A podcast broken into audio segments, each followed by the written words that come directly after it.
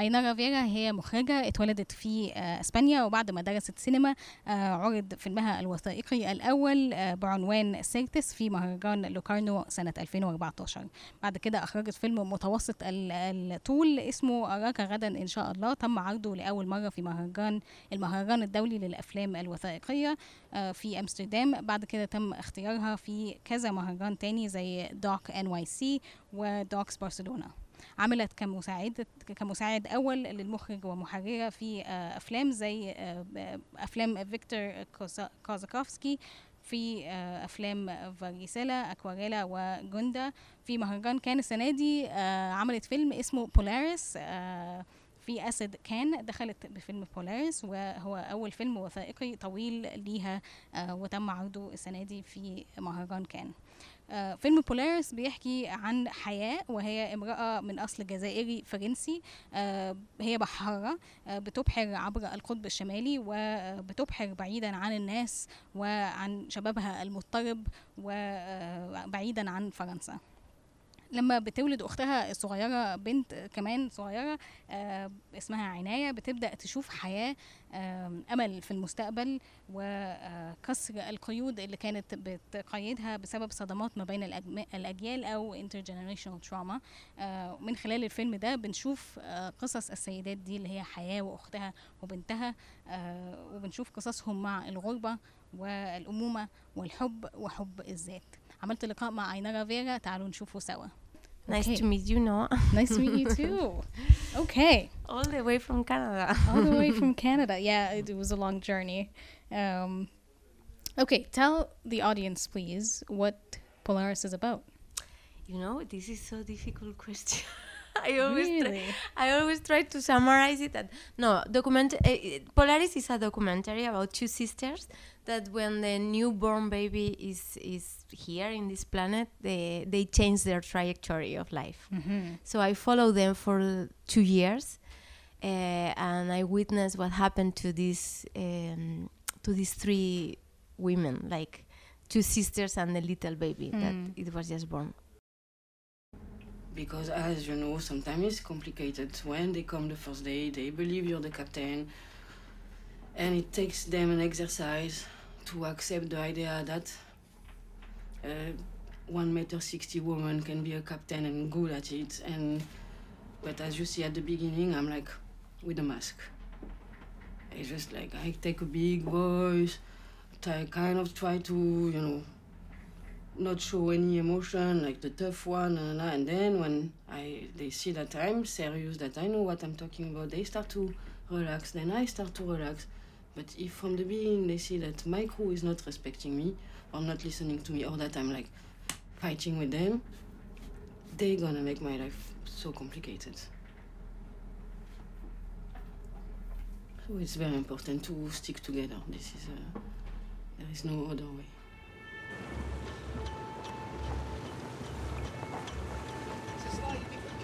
water, about 10 metres. So my idea, I'm gonna keep going like that. When I will be clear, when I will have these two one on my 90 degrees, I will go along. Well, I'll keep an eye, but I can just see a slight difference in colour. That's Okay, I. My guess is there is more water on the on the left than on the right. And we hear about the a fourth woman, the mother of those two sisters, and she's kind of in the background. We never really see her, but the theme of motherhood is always there. Yeah. Do you think Hayat, the main character, is is uh, kind of going on her own motherhood journey through uh, keeping the boat going, the upkeep? You see her fixing it all the time, um, giving advice to her sister about Inaya, her her her daughter, and even reparenting herself when she talks about wanting to break cycles and and and wanting to feel like she's lovable, but she's still working on it. Yes, yes. I never thought about that in that way, but I think you are completely right. Is that she she's the eldest of the family, and she um, she has this feeling that she she has to take care of everyone that comes behind her, especially the new generation Inaya, the So she yes she she naturally will motherhood everyone, including me. That's mm. that's Oh. around her. Yes, she's she's giving me advice of how to live my life. Sometimes, yeah, it's very natural to her. She she really take care of all details and except the the actually she said that her boat is her baby.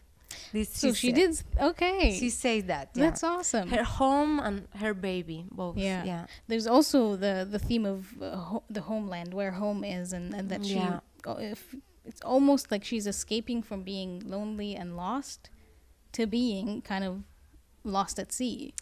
What happened is that they are second generation uh, of Algerian origins here in France, and they never felt that they belong here in France. Uh, not only because of uh, their mom abandoned them and they never met the father, but because they felt like they were partly uh, Algerian but partly France, so they never really felt anywhere. And then Aya tried to escape from all humans and went very, very far away, like to the to Greenland, almost to the Arctic part of Canada, by the way, uh, because uh, she felt that she needed to run away from humans to to be in peace with humans in a way. Yeah, so the belonging idea is all the all the time there, and she's really trying to find her place in the in the earth, on Earth. Uh, Hayat in the movie, she says she talks about having to be masculine in a way in order to be taken seriously. Like, uh, like uh, what did she say? She had to be serious. She had to be. She had no emotions. Uh, um, what else did she say? A deep voice. What is your experience in the industry in documentary filmmaking, in asserting your dominance in a way? I I felt I never felt different from anyone. Like mm. to be really honest, I I I feel very welcome to cinema and but when I was younger, I thought that this was not a a, a profession for me, for myself. But Why then not? I I don't know. I felt it, I didn't belong. I felt that it belonged to some other type of people. But then I watched uh, Agnès Varda films, and then suddenly I was like, oh, maybe I also can make films. So it is tricky because I, I tend to think that no, that life uh, was very generous to me, but at the same time, there was some doors that I have to allow myself to go to access. And actually, today I was thinking that when I, I wanted to go to film in the Arctic and I wanted to mount the camera on the mast, and when I came to the to the rental house, uh, you know, the rentals is a very particular people who run rentals, and they mm. were doubting that I will be able to mount the camera on the mast. Hmm. Yeah, yeah, yeah. So I said, but come. For me, it was very easy to do because it, it was very technical. The camera was very small, so it was not heavy. So of course you have to be careful. So finally, I, I said, no, no, we are gonna do it. We are gonna do it this way. But they were questioning my mm. capacity. And then, uh, and then when it was five o'clock in the morning, I was in Greenland. They put me on harness, and at that time I was pregnant, and I decided I will not say to anyone that I was pregnant, even to my mom, because they will overprotect me. Right. So it was five o'clock. I was with Arnés. I was 26 meters high, and then I saw how the iceberg was passing in my frame. I was so happy, and then I remind this guy in the rental, and I, I, I kind of smile, like I say, "What's the problem here?" Very cool. So you met Hayat uh, when you were filming Aquarela, right? Yeah. And uh, you, what made you want to tell the story, and what do you hope people are gonna get out of this? I, can you repeat it? So Uh, why why did you want to tell Hayat's story, and what do you hope people who watch this movie get out of it? So when I met Hayat, I realized that she was a very special person because she was incredible strong and incredible vulnerable at the same time. And I always love that combination of being so strong and being capable to sail in the middle of the ocean 10 meters waves like but at the same time she was not cleaning her face because a whale just spread over it. And she felt like it was so special so she was 10 days without cleaning her head her face. So I said, such a strange and beautiful combination, and I wanted to, I I wanted to share what I saw on her with everyone, and then another thing, uh, beauty saved her. She, the fact that she was in the Arctic, surrounded by beauty and nature, this is what it holds her to life and I love that. And this combination, I said, oh, I I, th- I thought I was able to be, I was going to be able to make a very special film with her, and with the fact that beauty saved her. So for me, the film had to be full of beauty. Um, And it was. Cinematography was yeah, amazing. that that was very important to really um, like portray her soul. Yeah. what do you hope uh, the people who watch this get out of it? I hope they they go home and they love each other more and better. Beautiful. Thank you so much, Ainara. Thank you. تغطية كالجري بالعربية لمهرجان كان من رعاية مجتمع فن أو الكالجري Arab Arts and Culture Society لعشر سنين مجتمع فن قدم لنا آه، أحلى تنويعة أفلام تم إنتاجها وع- في وعن العالم العربي وجابها كالجري الأفلام كانت متنوعة وكمان غير الأفلام قدم لنا فعاليات فنية وموسيقية وكمان كوميديا. آه، مع توسع مجتمع فن قرر يدخل مجال الإنتاج والتعاون مع مؤسسات بتشاركوا نفس الأهداف والتوجهات.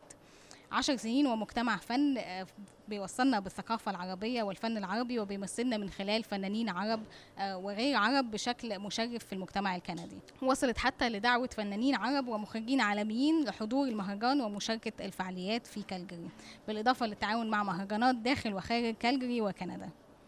والسنة دي مش بس هتكون زي السنين اللي فاتت كمان هتكون أحسن وكمان هتكون خيالية وسحرية بأفلام هتحبوها أكتر وأكتر في مهرجان السنة دي.